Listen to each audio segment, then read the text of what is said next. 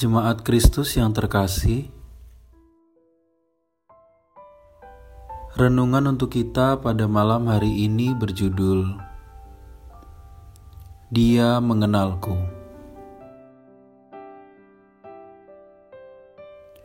Dan bacaan kita diambil dari kitab Mazmur pasal 139 ayatnya yang ke-13 hingga ayatnya yang ke-16. Beginilah firman Tuhan. Sebab engkaulah yang membentuk buah pinggangku, menenun aku dalam kandungan ibuku. Aku bersyukur kepadamu oleh karena kejadianku dahsyat dan ajaib Ajaib apa yang kau buat, dan jiwaku benar-benar menyadarinya. Tulang-tulangku tidak terlindung bagimu ketika aku dijadikan di tempat yang tersembunyi, dan aku direkam di bagian-bagian bumi yang paling bawah.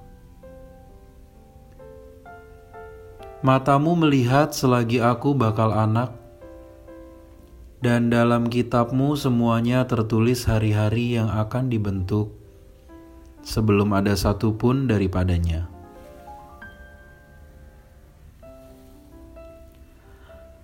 USG adalah alat berteknologi canggih yang memungkinkan kita melihat janin di dalam kandungan. Berbagai informasi yang kita perlukan tentang pertumbuhan janin dapat diketahui mendengar detak jantung, mengukur lingkar kepala atau badan, mengukur panjang tulang, mengetahui jenis kelamin, dan sebagainya. Alhasil, keadaan jabang bayi yang dulu merupakan misteri kini bisa disaksikan melalui layar monitor khusus. Mata Tuhan lebih tajam dan lebih akurat dibandingkan dengan USG tercanggih mana pun.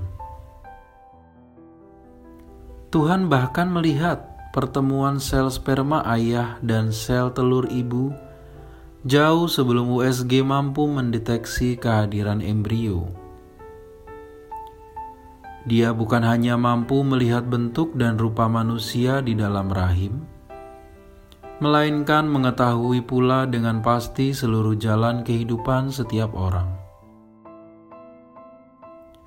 Oleh karena itu, tidak ada seorang pun yang benar-benar mengenal kita selain Tuhan. Dia tahu persis apa yang kita lakukan, kita alami, dan kita rasakan sejak sebelum dilahirkan hingga menutup mata kelak. Konsekuensi pemahaman ini paling tidak ada dua. Pertama, kita tidak bisa lari dan bersembunyi dari hadapannya. Kedua, kita bisa merasa tenang, tidak perlu khawatir. Dia akan selalu memahami keadaan kita. Karena Tuhan mengenal kita dengan sebenar-benarnya, kita tidak perlu guncang karena sikap orang lain yang keliru memahami, melecehkan, atau memfitnahkan hal-hal yang jahat kepada kita.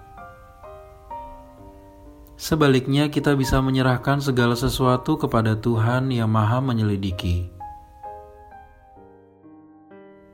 Orang yang terdekat sekalipun bisa salah memahami kita, tetapi Tuhan tidak pernah. Demikianlah renungan kita pada malam hari ini. Semoga damai sejahtera dari Tuhan Yesus Kristus tetap memenuhi hati dan pikiran kita. Amin. Jemaat yang terkasih, mari kita bersatu hati menaikkan pokok-pokok doa yang ada dalam gerakan doa 21 GKI Sarwa Indah. Mari kita berdoa.